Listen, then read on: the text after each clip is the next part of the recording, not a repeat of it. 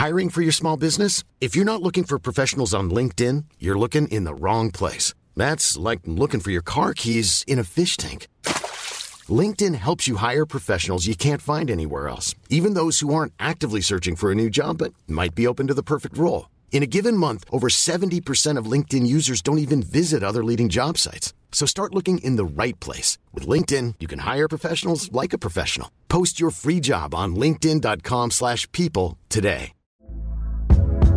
Hey there, it's Michelle Norris. I'm host of a podcast called Your Mama's Kitchen. When I travel, I'm usually looking for a way to find a taste of home when I'm not at home. And one of the things I love to do when I am at home is entertain. And Airbnb allows me to do that. When I was in California recently, I rented a house that had a great kitchen. And when we were sitting around the table, we we're all thinking, we're in someone else's house. Someone could be in all of our homes as well. If you have a home, but you're not always at home, you have an Airbnb. Your home might be worth more than you think. Find out how much at airbnb.com/slash host. Hey, I'm Ryan Reynolds. At Mint Mobile, we like to do the opposite of what Big Wireless does. They charge you a lot, we charge you a little. So naturally, when they announced they'd be raising their prices due to inflation, we decided to deflate our prices due to not hating you. That's right. We're cutting the price of Mint Unlimited from $30 a month to just $15 a month. Give it a try at mintmobile.com slash switch. $45 upfront for three months plus taxes and fees. Promo rate for new customers for limited time. Unlimited more than 40 gigabytes per month. Slows. Full terms at mintmobile.com. Palmemordet, Polisspåret del 9, Polisman D och Polisman E. Sveriges statsminister Olof Palme är död. 90 000. Ja, det är mord på Sveavägen. Hörde de säger att det är Palme som är skjuten. Mordvapnet med säkerhet är en Smith Wesson, en revolver kaliber .357. Inte ett svar. Det finns inte ett svar. För jag har inget och jag har inte varit Varför skulle jag Polisen söker en man i 35 till 40-årsåldern med mörkt hår och lång mörk rock. Vi har kommit fram till avsnitten om Polisman D och Polisman E och Buss 43. Polisman D och Polisman E bildar en enhet. De är förknippade med varandra ända sedan då de hade oturen och var i samma rum där Rolf Machnov råkade ut för sin olycka som vi har pratat om i tidigare avsnitt. Jag har kommit över mera papper i fallet Rolf Machnov. Jag har justitieombudsmannens ämbetsberättelse och jag har också polisman D och E's rapport från 1986 0628. Eh, det ska förstås vara 1982. Eh, jag har uppfattat av flera av er att ni tyckte det blev lite för mycket rapporter i samband med högerextremistutredningen och Norrmalmsutredningen ett av mina mål med att göra den här podden är just att göra de här dokumenten tillgängliga för den som vill lyssna på dem istället för att läsa dem. Det var därför jag valde att ta med så mycket av rapporterna. Men jag känner att jag inte kan eh, göra ett avsnitt om den här ämbetsberättelsen och rapporterna. Eventuellt skulle jag kunna göra ett bonusavsnitt på Patreon, men jag vill höra vad ni tycker. Vill ni höra det här i podden eller vill ni hellre läsa om det? Alltså ämbetsberättelsen från justitieombudsmannen och polisman DOEs rapporter från Rolf Machnov. Jag vill speciellt tacka P.O. Falmo som har varit väldigt behjälplig i det här, de här avsnitten. Men innan vi drar igång med polisman D så har jag också pratat med Erik Engström och vi kom tillbaka till den här teorin om varför polisen har olika bokstavsbeteckningar. Och nu har vi kommit fram till att det kan ha att göra med hur många gånger de nämns i utredningen, alltså inte antalet spaningsuppslag, utan hur många gånger de är omnämnda i till exempel då de här extrautredningarna som högerextremistutredningen och Norrmalmsutredningen.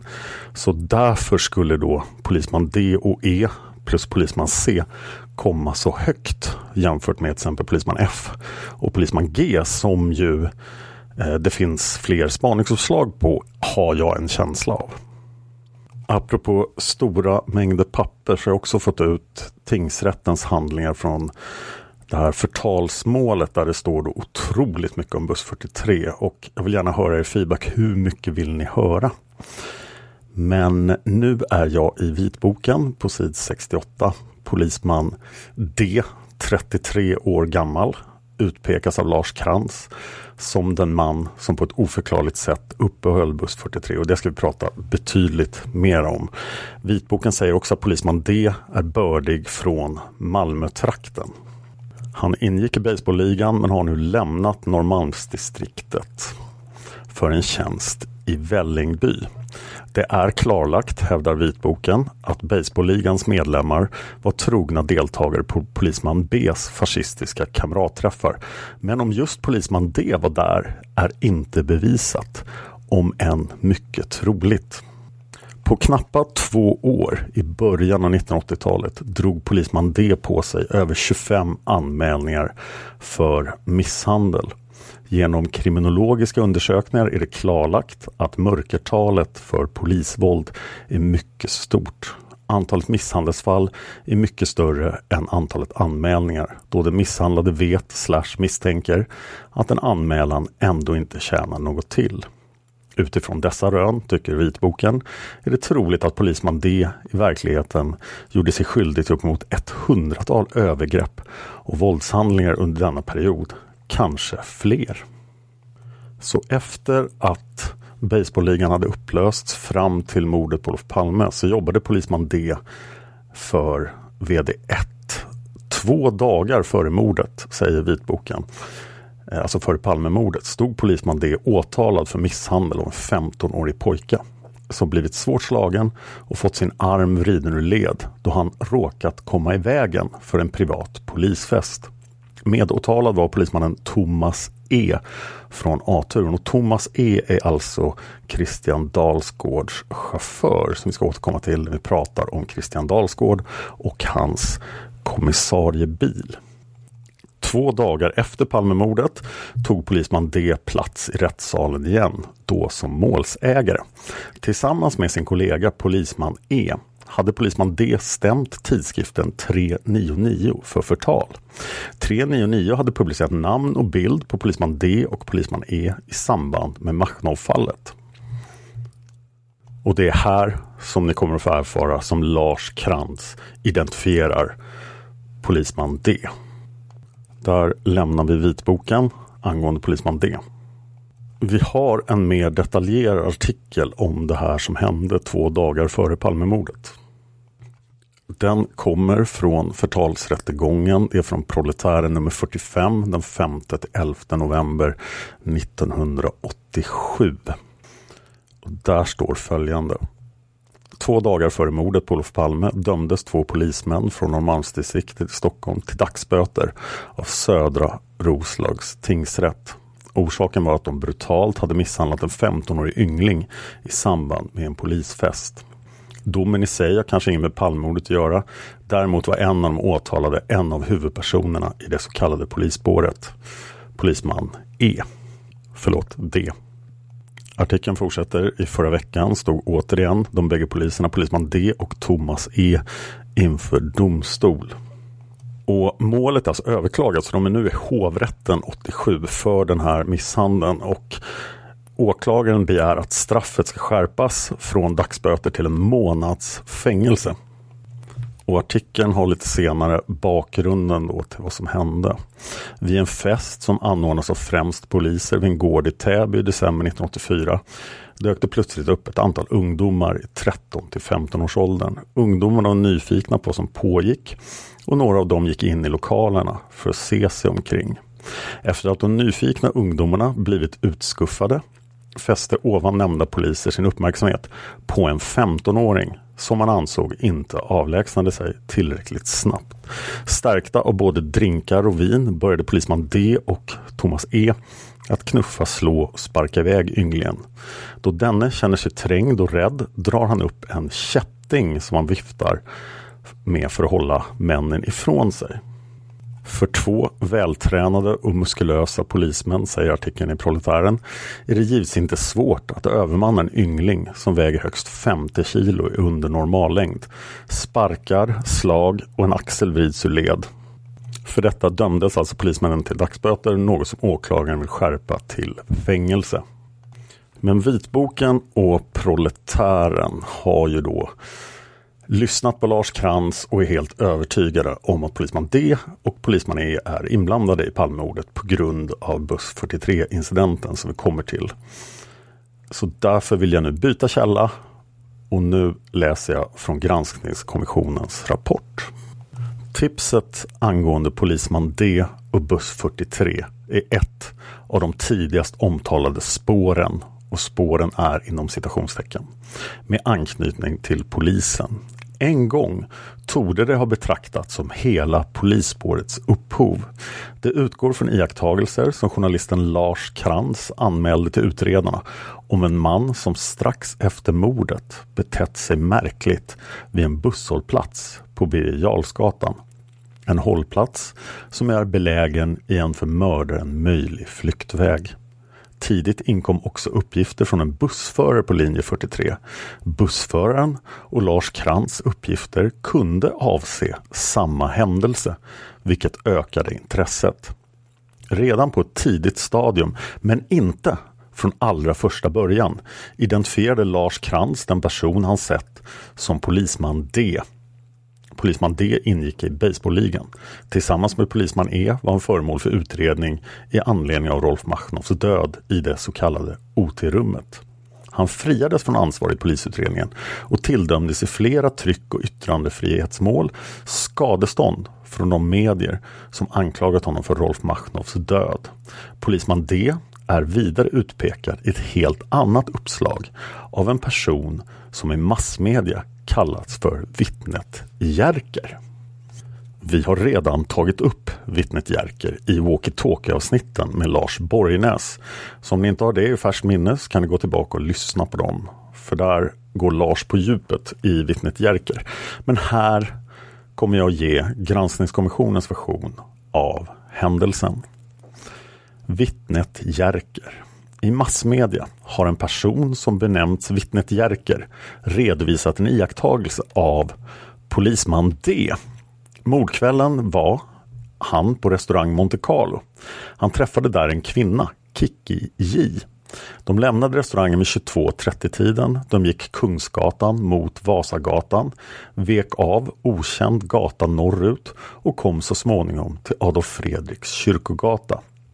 Mellan Holländargatan och Adolf Fredriks kyrkogata iakttog de en atletisk man med en rödaktig walkie-talkie. På Adolf Fredriks kyrkogata 7 eller 9 gick de in en öppen port för att värma sig. De tände inte ljuset. Plötsligt kom en man springande nerför trappan.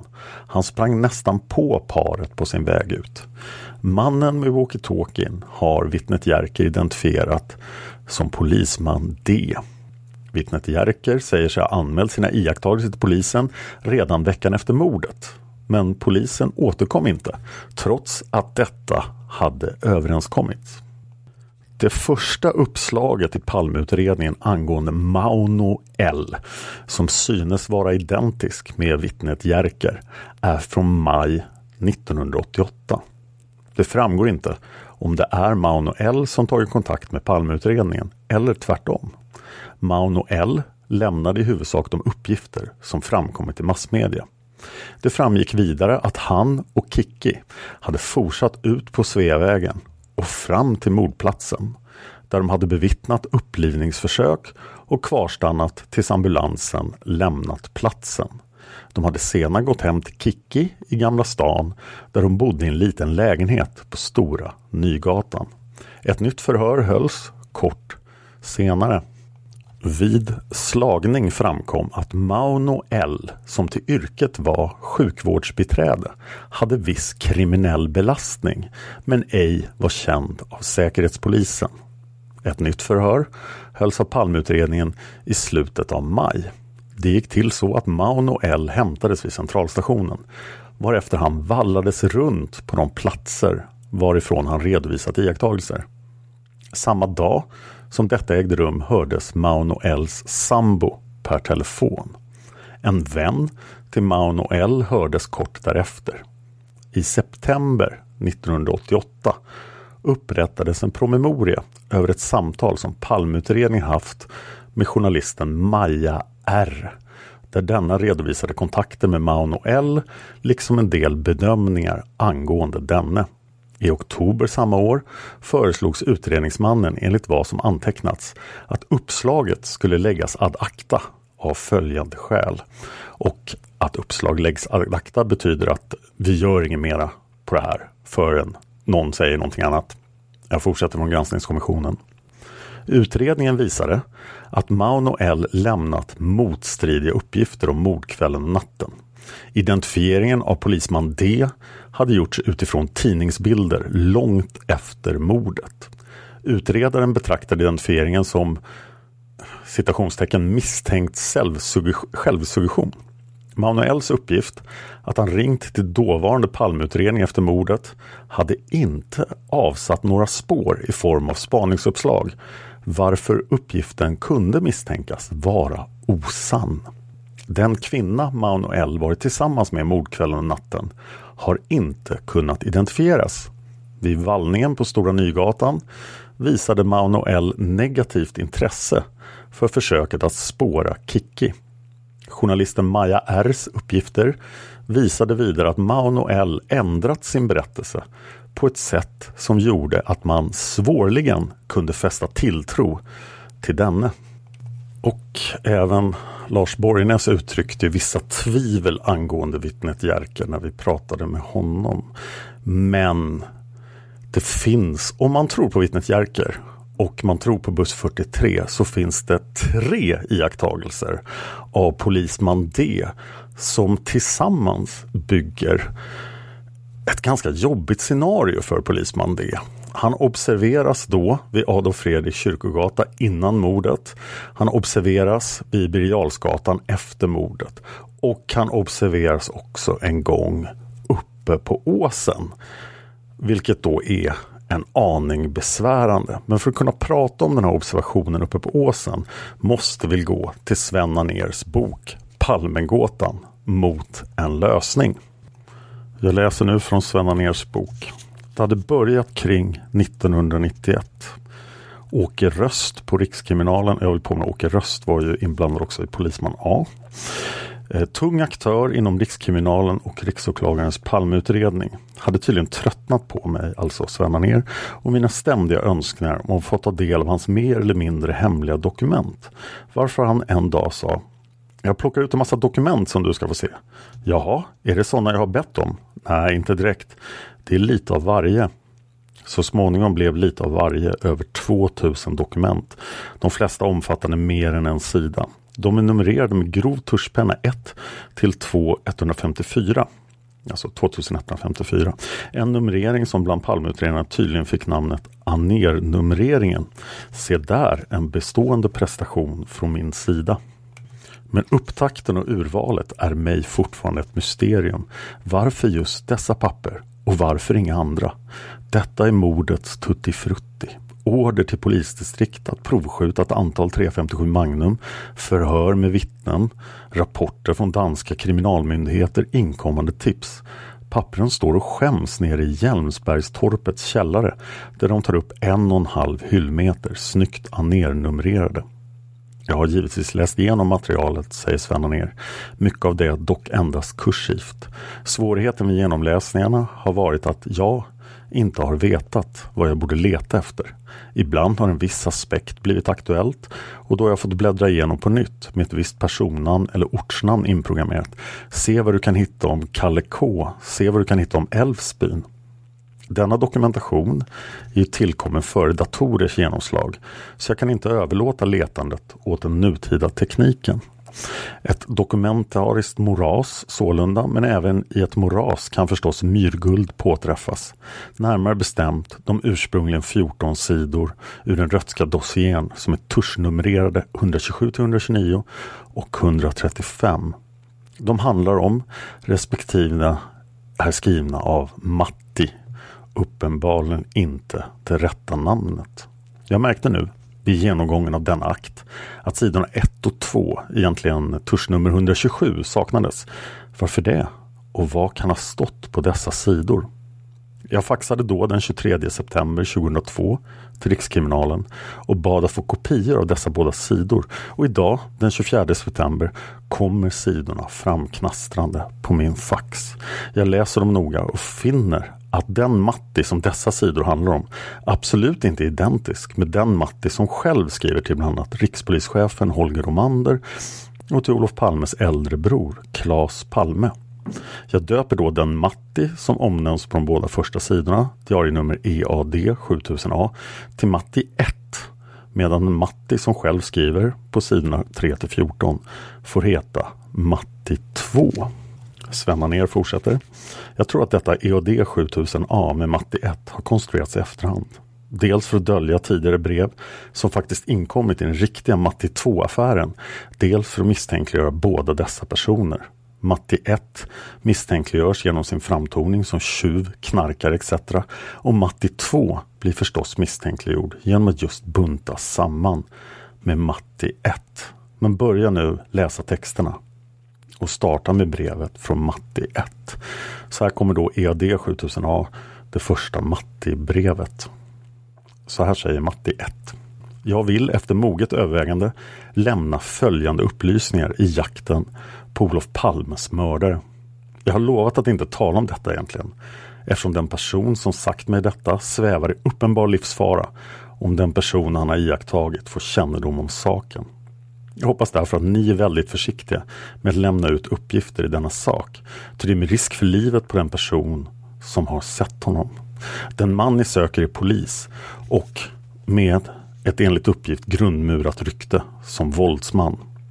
Kvällen då Palme mördades var min vän tillsammans med en kamrat på väg nerför en trappa och mötte denna polisman på väg uppför trappan springande.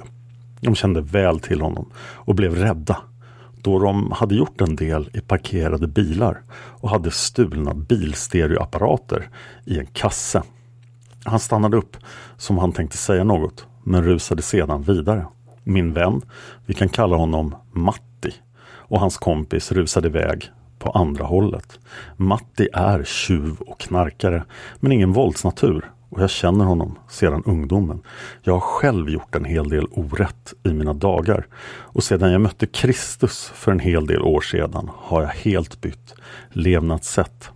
Jag vill dock hjälpa mina gamla kamrater och därför när det ringde på dörren och Matti stod utanför och tiggde mat och husrum så ställde jag upp.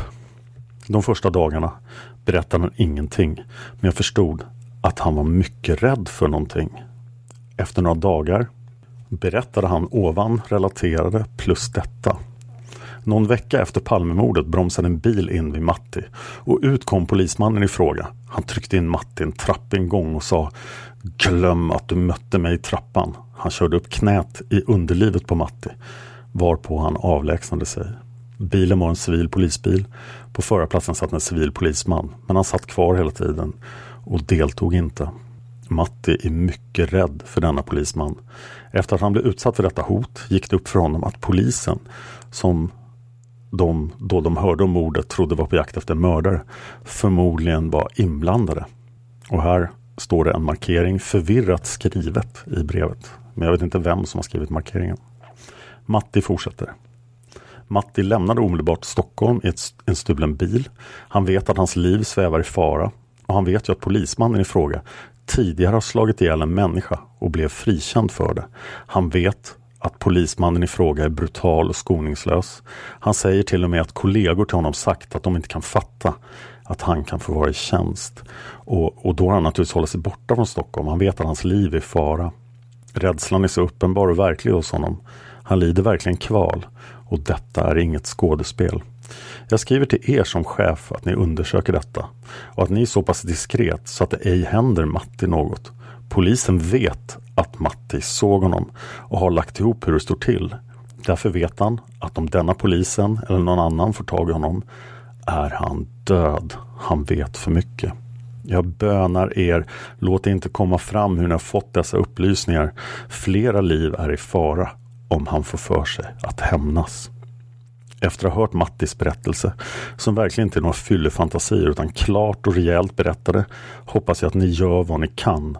Någon tvekan om att han är inblandad finns icke. Och där slutar brevet och den han syftar på då polismannen är polisman D. Jag fortsätter lite i Sven Anérs bok för det här belyser hur komplicerade Matti-breven är. Jag tänker inte gå in på de andra breven men lite mer Sven Anér. Sven Anér säger så långt brevet från Matti 1 och det känns som att jag får be om ursäkt. Nu måste jag gå in och berätta att det verkar vara extra krångligt med detta EAD 7000A från fel Matti. För, följ med här. Brevet om fel Matti är alltså upptillmärkt EAD 7000A. Men dessutom är brevets båda sidor av polisen märkta med S2 och S3. S1 finns sålunda inte med. Är det här krångligt? Är det allt för krångligt? Kan inte storyn berättas rätt upp och ner utan snirklar? Det kunde tyckas, men tyvärr är snirklarna en del av den mörka bilden som kurbitsbladen på dalmålningen. Tekniken från myndigheternas sida är nästan alltid densamma.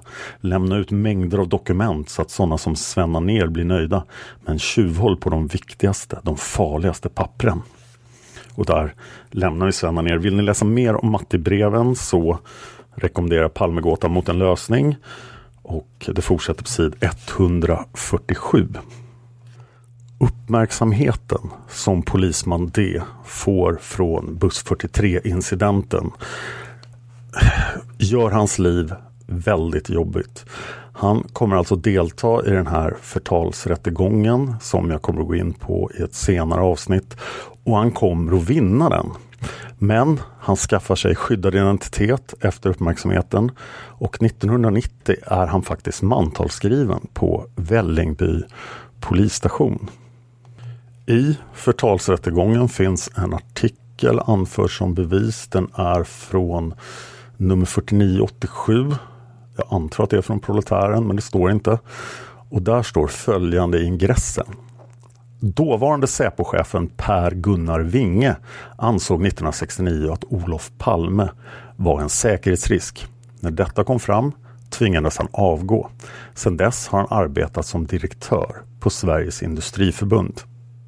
En av cheferna på Säpo, Alf Karlsson, förvarnades om mordet på Olof Palme tre veckor innan mordet.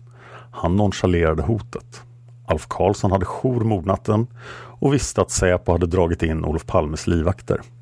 Alf Karlsson slutade på Säpo vid årsskiftet. Idag äger Per-Gunnar Winge och Alf Karlsson, alltså slutet på 87, företaget VIP, Vinge Integrated Protection. Verksamheten består av säkerhetssystem och personligt beskydd. Kundkretsen består av bland annat företag. Avlyssningsapparatur importeras från USA och Israel. Bolaget inregistrerades den 18 januari 1987. I den privata vaktstyrka som VIP håller sig med ska enligt en säker källa till proletären polisman D och polisman E stå på företagets lönelista. Och det här är en väldigt vanlig uppgift på nätet.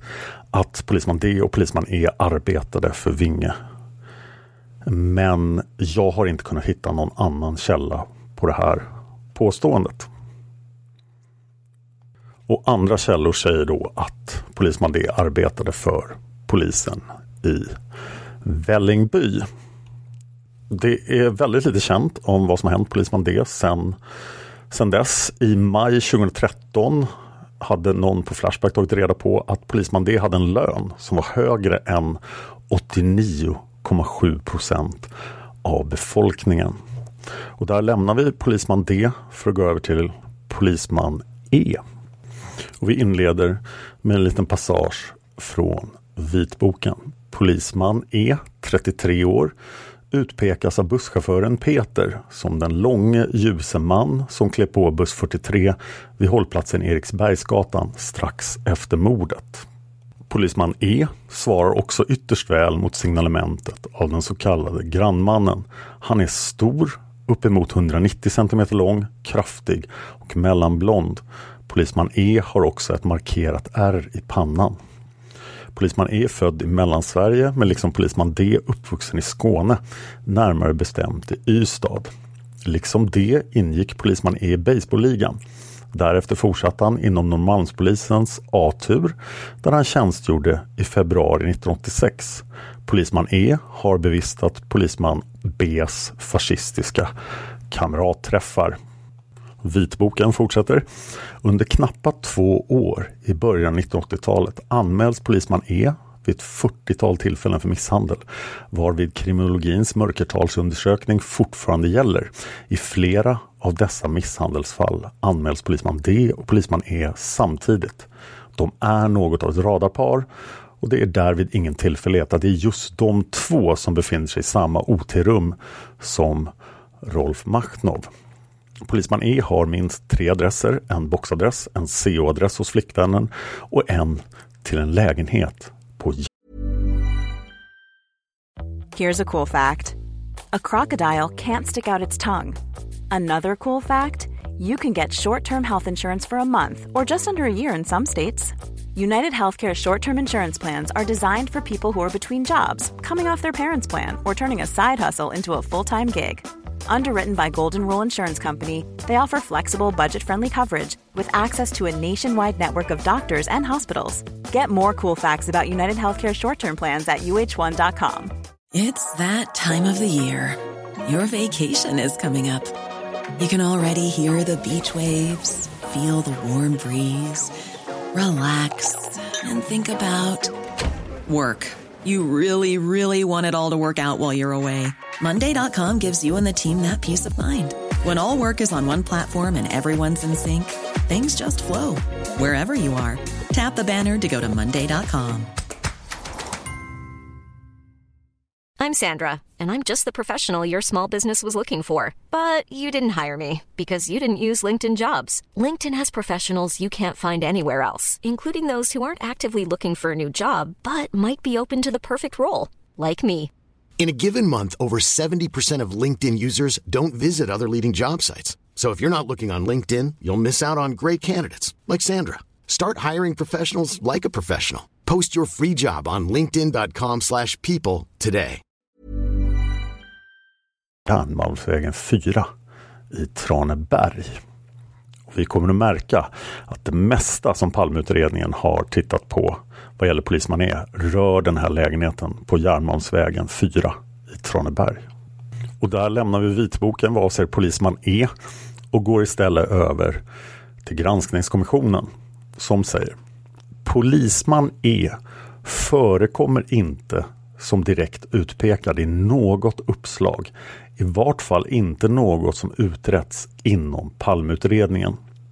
Intresset för polisman E i utredningen väcktes i samband med att några personer vid en vattenläcka i hans lägenhet hösten 1987 fann en SS-hjälm, ett par walkie-talkies och iakttog något som de uppfattade som radioutrustning.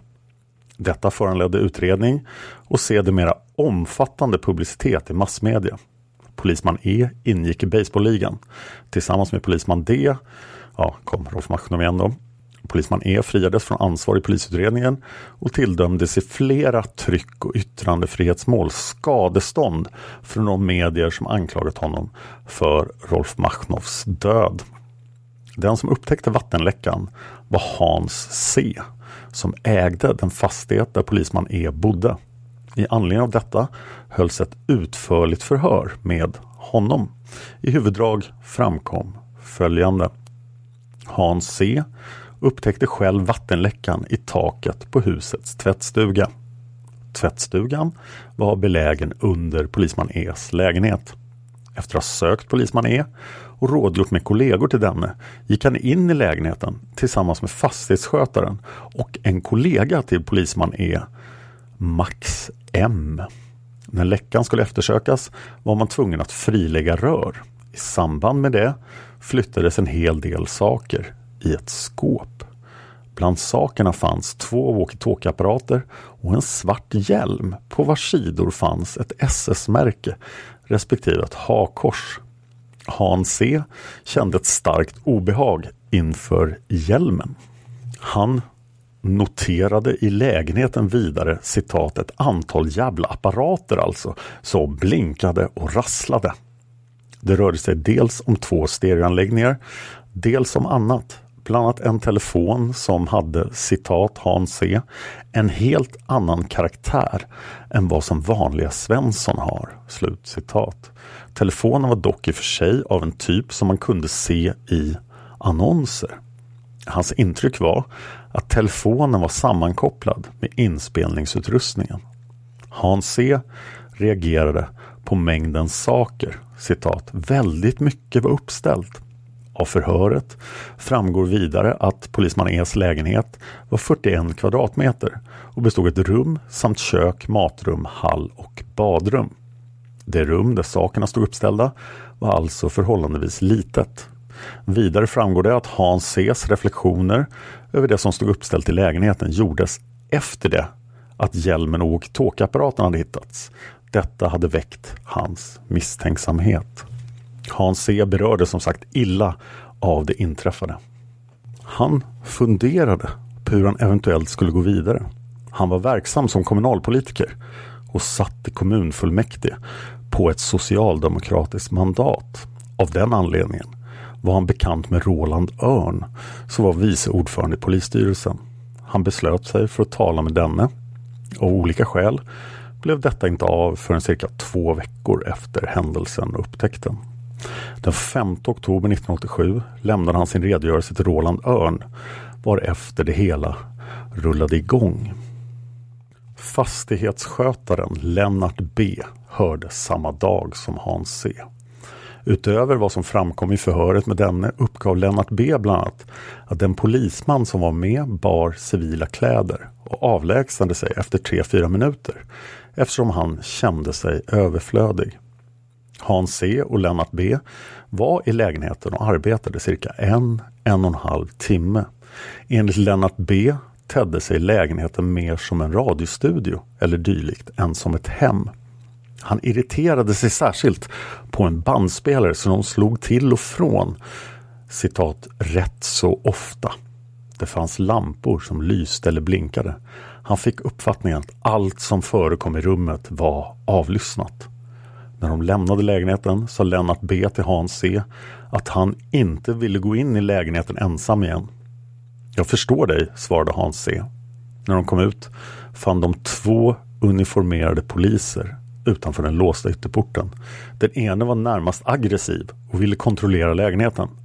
Hans C motsatte sig detta och efter en stunds dividerande gav sig polismännen av.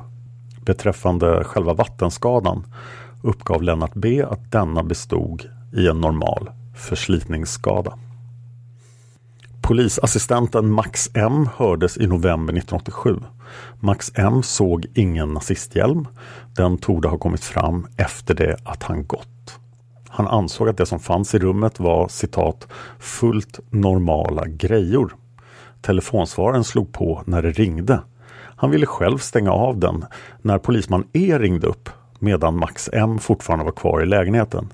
Svararen började då blinka och spela in. På fråga sa dock polisman E att det inte spelar någon roll att bandet rullade. Ett utförligt förhör hölls i detta sammanhang också med polisman I. Polisman I tjänstgjorde som vakthavande befäl och chef för den så kallade A-turen. Polisman I var polisman E's chef. Polisman I hade fått kännedom om att det var en vattenläcka i polisman E's lägenhet och sände ut en tillgänglig polisman till platsen. Syftet var att bereda hantverkare tillträde till lägenheten och begränsa eventuella skador.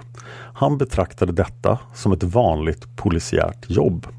På direkt fråga upplyste polisman I att han väl kände till att det fanns en nazisthjälm som förekommit inom polisen. Den hade figurerat i en 15-20 år. När man talat om saken poliser emellan hade många igenkännande sagt citat Jaså, är det den där jävla hjälmen?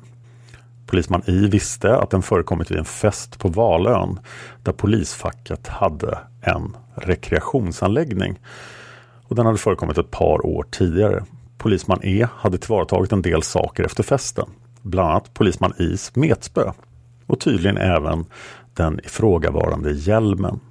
Polisman I betraktade detta med hjälmen som citat otroligt oskyldigt. Polisman I uttryckte vidare en viss uppgivenhet när det gällde möjligheten att genom grundlig utredning komma till ett slut med misstänkliggörandet av polismän.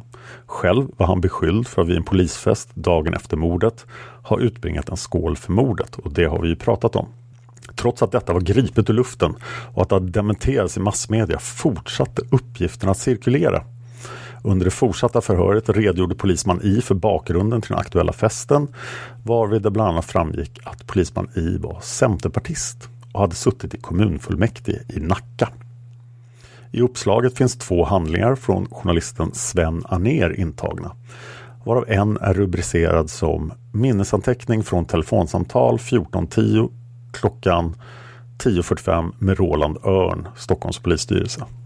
Och en annan utgör en kopia på brev till dåvarande justitieministern Anna-Greta Leijon. Av den första handlingen att döma hade Sven ner haft kontakt med Roland Örn och fått detaljerade uppgifter angående vattenläckan hos polisman E och de uppgifter som därvid lämnats Hans C. Det framgår att Sven ner hade lovat att tills vidare hålla tyst. Citat. Men jag ger dig inte många timmar till. Slutcitat. Polisman E själv hördes i oktober 1987. Anledningen till förhöret uppgavs vara citat vissa fynd gjorda i polisman E's lägenhet i slutet av september 1987 vid lokalisering av en vattenläcka i form av kommunikationsradioutrustning, walkie-talkies, elektronisk utrustning etc. Förhöret var ingående. I förhörsprotokollet framkommer bland annat följande. Han kände till anledningen till förhöret eftersom polisman I hade berättat att han blivit uppringd av en journalist som ställt frågor kring vattenläckan och den hjälm som upphittats. Journalisten hade upplyst polisman I om att han fått sina uppgifter från en man vid namn Örn i polisstyrelsen. Och ni känner ju igen Roland Örn från högerextremismutredningen som han ju var delaktig i. Jag fortsätter citera granskningskommissionen. När läckan upptäcktes befann sig polisman E hos sin sjuka mor i Göteborg. Beträffande hjälmen uppgav polisman E att han hade den om hand, men han var inte dess ägare. Han hade omhändertagit den efter en fest på Kamraternas rekreationsö Valön för ett par år sedan. Han hade ingen aning om vem som ägde den. Hjälmen användes enligt vad som synes framgå av förhörsprotokollet för practical jokes med anspelning på de uppgifter som förekommit i media om högerextremism. Och sådant hos Norrmalmspolisen. Reportagen i radioprogrammet Kanalen nämns särskilt. Hjälmen var riktig. Det var inte fråga om teaterrekvisita. Beträffande walkie-talkie-utrustningen uppgav polisman E att han skaffat denna omkring 1983-84 när han tillsammans med sin dåvarande flickvän bodde på landet. Det rörde sig om en så kallad privatradio att användas vid friluftsaktiviteter. Utrustning hade emellertid inte just kommit till någon användning. I uppslaget finns en i mars 1984 utfärdad licens för polisman E. Ändamålet är angivet som Fritidsändamål som ridning, fiske och vildmarksliv. Privatradio intagen. Licensinnehavare är Polisman E. Licensen har annullerats i juli 1987 på grund av bristande betalning. Polisman E uppgav att det i lägenheten i övrigt fanns TV, stereoanläggning bestående av förstärkare, radiodel, kassettbandspelare, CD-spelare och spolbandspelare. Det fanns också två videobandspelare, en hemdator, en transformator samt en telefonsvarare. Polisman E förnekade bestämt att han skulle haft någon utrustning för avlyssning eller liknande och synes ha ställt sig frågan inför uppgifterna om elektroniska prylar. Han berättade vad han använde sina saker till och fick också frågor om sin videokamera. Polisman E mindes inte vad han gjorde på mordkvällen men kom ihåg att han morgonen efter väcktes av sin dåvarande flickvän med beskedet Du måste lyssna på tvn, statsministern har blivit mördad. Han bodde vid detta tillfälle inte i den lägenhet där vattenläckan inträffade. Dit hade han flyttat ganska exakt ett år senare. Han minns inte om han tjänstgjorde den 28 februari 1986 men trodde att han hade haft fridagar vid den tidpunkten. Han antog att han hade tillbringat kvällen i hemmet med sin dåvarande flickvän. Av protokollet framgår att förhörsledaren på uppmaning från förundersökningsledningen erbjöd polisman E en poliskontroll av det som fanns i lägenheten. Polisman E ville emellertid inte låta utföra kontrollen. Han trodde inte att det skulle göra varken till eller från i massmedias ögon eftersom man i alla fall skrev och sa bara det man ville. Han ångrade sig emellertid och i slutet av november 1987 beslöt förundersökningsledaren, biträdande riksåklagaren Axel Morath, att husrannsakan hos polisman E skulle äga rum. I beslutet angavs att denna företogs på E's egen begäran. I protokollet finns bland annat intagna fotografier på diverse stereo, tv, telefon, datautrustning. Det som avbildats utgör så vitt kan bedömas av granskningskommissionen då, normal hemutrustning. Den före detta flickvännen hördes av Säkerhetspolisen fem dagar efter förhöret med polisman E. Hon uppgav att hon varit sammanboende och förlovad med polisman E. De hade varit tillsammans under tiden 1982 till 1986. Hon hade inte underrättats om varför hon kallats. I protokollet har därvid antecknats att citat av det skälet kunde hon inte känna till att hon skulle tillfrågas närmare om vad hon och polisman E gjorde fredagen den 28 februari 1986 under dagen och kvällen. Det framgår inte på vilket sätt förhörsledaren ansåg sig kunna utgå från att hon inte hade talat med polisman E om saken efter förhöret med denne. Polisman E uppgav för övrigt att de hade god kontakt med varandra och talade i telefon tre, fyra gånger i veckan. Hon uppgav att de vid denna tid bodde på den adress polisman E uppgivit. Hennes minne av mordet var från morgonen den 1 mars då hon blev uppringd av sin mamma som förmedlade nyheten. Hon såg sedan på tv tillsammans med polisman E som hon väckte. Hon hade inget minne av vad hon gjorde dagen och kvällen innan men trodde att hon själv arbetade. Sedermera har hon med stöd av tjänstgöringslistor från sin arbetsgivare uppgett att hon arbetade såväl fredagen som lördagen. Hon tjänstgjorde i en affär i Stockholm. När hon hade ett arbetsschema av det slaget brukade hon aldrig gå ut på kvällen. Eftersom de brukade göra allt tillsammans utgick hon från att även polisman E tillbringade kvällen i hemmet. Hon bekräftade polisman E's uppgifter angående radioutrustningens anskaffande. Enligt henne var utrustning av det slaget vanlig i de lantliga trakter där de en tid bodde eftersom telefonen inte alltid var pålitlig. Hon tillade att de hade använt den vid kanotpaddling. Utöver det sagda, som kan utläsas ur PUs uppslag angående vattenläckan hos polisman E, har den tidigare Palmekommissionen via utfrågning av Per-Göran Ness och Jan S inhämtat kompletterande upplysningar. Det skedde vid den tidigare Palmekommissionens utfrågning den 26 mars 1996. De har berättat följande.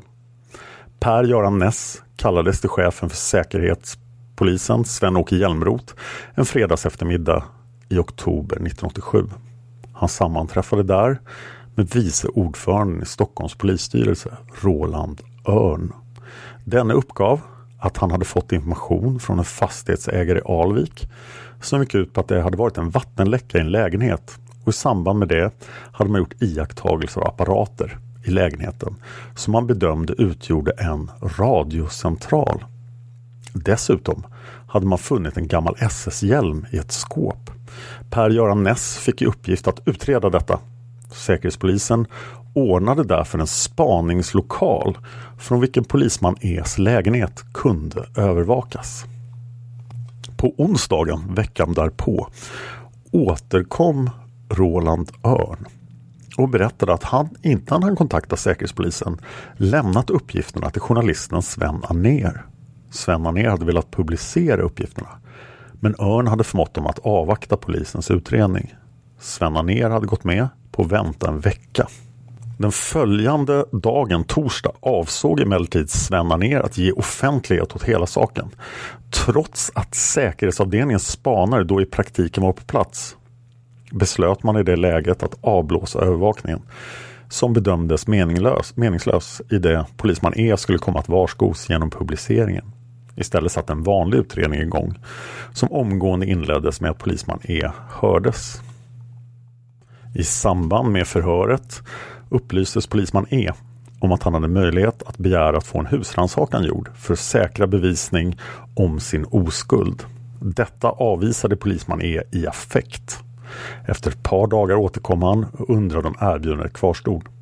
Förhörsledaren Jan S vände sig då till riksåklagaren och begärde att få genomföra en husrannsakan hos polisman E.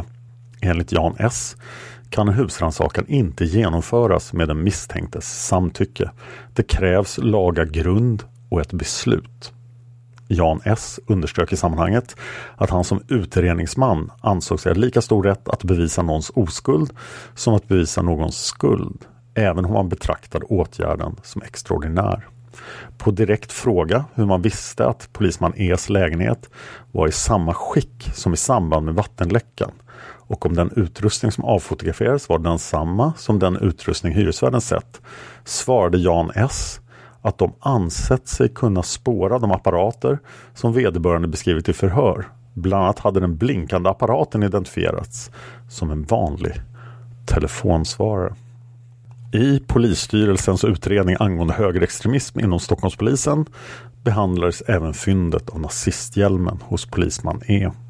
Polisstyrelsens utredningsgrupp klarlade genom vissa efterforskningar att Valön, den plats där polisman E sade sig ha bärgat hjälmen, förvärvades av föreningen Kamraterna 1955. Man fann då olika föremål med nazistemblem.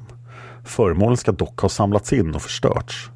Polisstyrelsen ansåg att detta förhållande fick polisman E's förklaring till hur han kommit i besittning av hjälmen att framstå som än mer sannolik. Polisstyrelsen konstaterade slutligen att citat oaktat vad man kan ha för åsikt om det lämpliga att någon privat innehar en nazisthjälm detta ändå måste anses tillhöra den enskilde polismannens privatliv. Slut citat.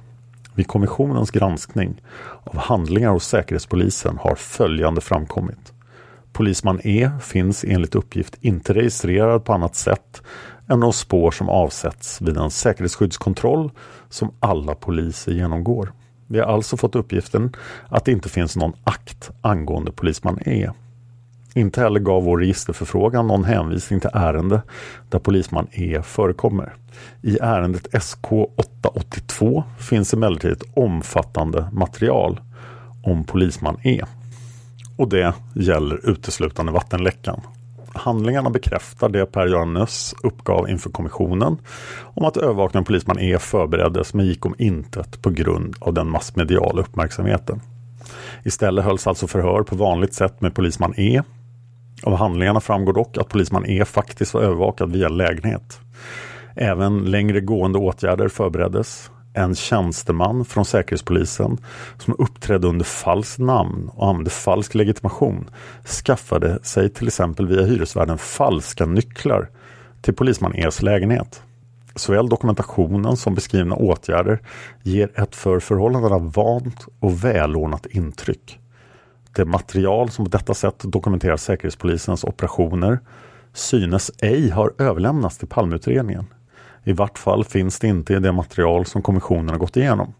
De handlingar som vi på detta sätt endast återfunnit hos Säkerhetspolisen gäller vidtagna spaningsåtgärder och vad som därvid framkommit. Och med tanke på den feedback jag fått om alla utredningar så ska jag inte dra det som står i högerextremismutredningen om vattenläckan som ursprungligen hade planerat. Ni har hört det mesta om den här vattenläckan och lägenheten. Nu vill jag återvända till källan som jag använde i Polisman A del 1. Eh, han sa nämligen utöver då, han berättade om eh, Bo Munter och den här ninjutsu-klubben där polismännen tränade. Eh, och då sa han ju att jag vet inte om polisman D och polisman E tränade där. De var inte så intresserade av att hålla fast folk utan att skada dem. Han sa också att polisman E är lärare på Polishögskolan och vi vet att polisman E arbetade vid Norrmalmspolisen långt efter mordet.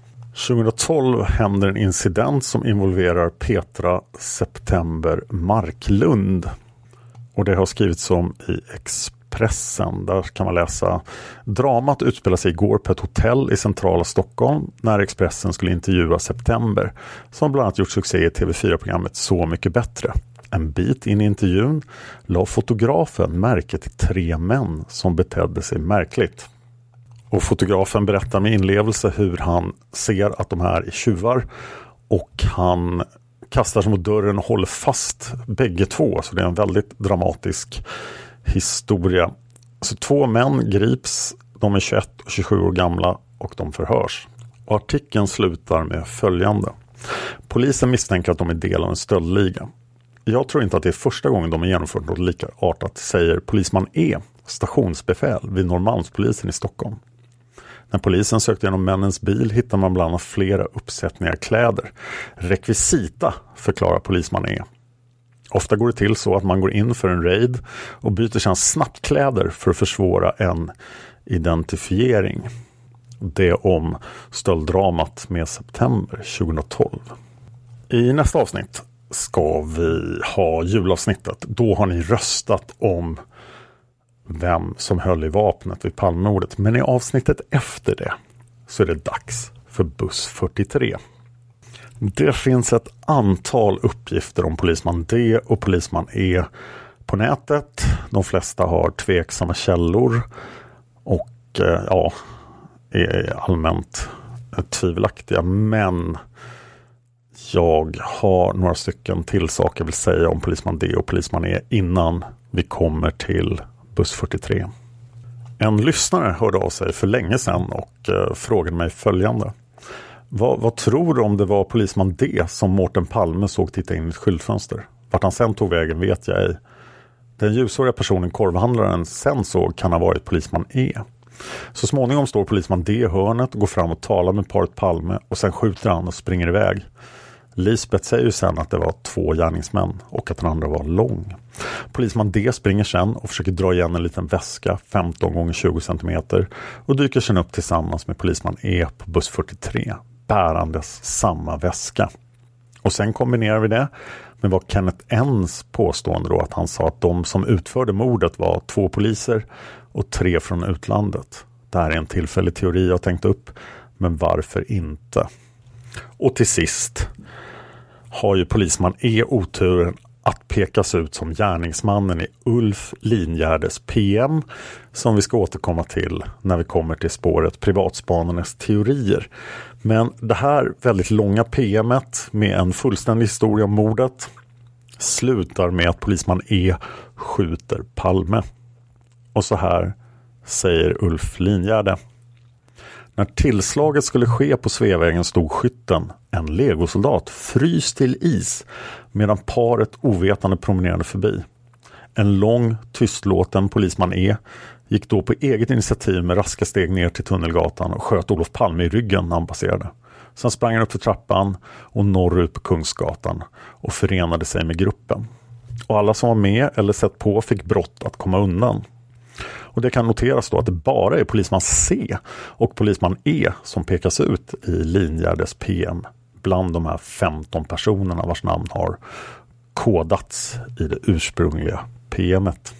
Och där måste jag ju reflektera då att eftersom polisman E är så lång så matchar han ju gärningsmannens signalement ganska dåligt. Den här podden görs med hjälp av er lyssnare.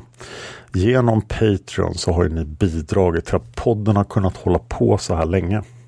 I 150 veckor i rad har vi kommit ut varje vecka.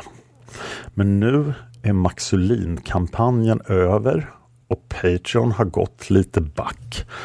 Så nu måste jag be er att om ni tycker att den här podden är bra och om ni vill höra mig prata om Palmemordet i 150 veckor till, för det kan jag. Det finns tillräckligt mycket material för det. Och jag vill hemskt gärna ha möjligheten att hyra in Tobias för att göra sina avsnitt. Jag tycker han gör ett jättebra jobb. Eh, men om ni vill vara med och hjälpa till så att podden kan fortsätta med samma frekvens som tidigare. Så gå gärna till patreon.com palmemordet och välj en summa, till exempel 2 dollar som ni ger per avsnitt och det är ett ömsesidigt avtal. Jag får bara pengar om jag faktiskt gör avsnitt. Så missar jag någon vecka, vilket kan hända i framtiden nu, så får jag inga pengar alls för det avsnittet. Och ni, ni behöver inte betala någonting heller om det inte blir några avsnitt. Men blir det avsnitt så ja, då får ni avsnitten ni har betalat för. Palmemordet finns på Facebook. Ni får gärna gå in och likea där. Palmemordet finns på Youtube också. Det kan komma att ändras inom kort. Jag hoppas att det inte gör det. Jag finns på Twitter som Dan Horning. Jag finns på Instagram som Dan Hörning. Jag vill gärna ha iTunes-recensioner och jag är väldigt tacksam till alla som har sponsrat podden. Om ni vill höra mer om mig så gör jag ett antal andra podcaster. Däribland Seriemördarpodden och Massmördarpodden som finns på podmi.com, Massmördarpodden alltså. Kostar 19 kronor i månaden och man får då två avsnitt i månaden om massmord. Seriemördarpodden däremot går jättebra just nu. Så att, följ gärna den. Den är en av Sveriges största poddar. Tack för att ni lyssnar på Palmemordet. Man hittar Palmes mördare om man följer PKK-spåret till botten. Därför att ända sedan Julius Caesars tid har jag aldrig hört talas om ett mord på en framstående politiker som inte hade politiska skäl. Polisens och åklagarens teori var att han ensam hade skjutit Olof Palme. Och det ledde också till rättegång. Men han frikändes i hovrätten. Nu ska vi ut på rövarstråt. Ja, vi ska ut och röva. A lot can happen in three years, like a chatbot may be your new best friend. But what won't change? Needing health insurance. United Healthcare Tri Term Medical Plans, underwritten by Golden Rule Insurance Company, offer flexible, budget friendly coverage that lasts nearly three years in some states. Learn more at uh1.com. Planning for your next trip? Elevate your travel style with Quince. Quince has all the jet setting essentials you'll want for your next getaway, like European linen, premium luggage options, buttery soft Italian leather bags, and so much more. And is all priced at 50 to 80% less than similar brands. Plus, Quince only works with factories that use safe and ethical manufacturing practices. Pack your bags with high-quality essentials you'll be wearing for vacations to come with Quince. Go to quince.com/pack for free shipping and 365-day returns. Hey, it's Paige DeSorbo from Giggly Squad. High quality fashion without the price tag. Say hello to Quince. I'm snagging high-end essentials like cozy cashmere sweaters, sleek leather jackets, fine jewelry, and so much more. With Quince being 50 to 80% less than similar brands. And they partner with factories that prioritize safe, ethical, and responsible manufacturing. I love that. Luxury quality within reach. Go to quince.com slash style to get free shipping and 365 day returns on your next order. Quince.com slash style.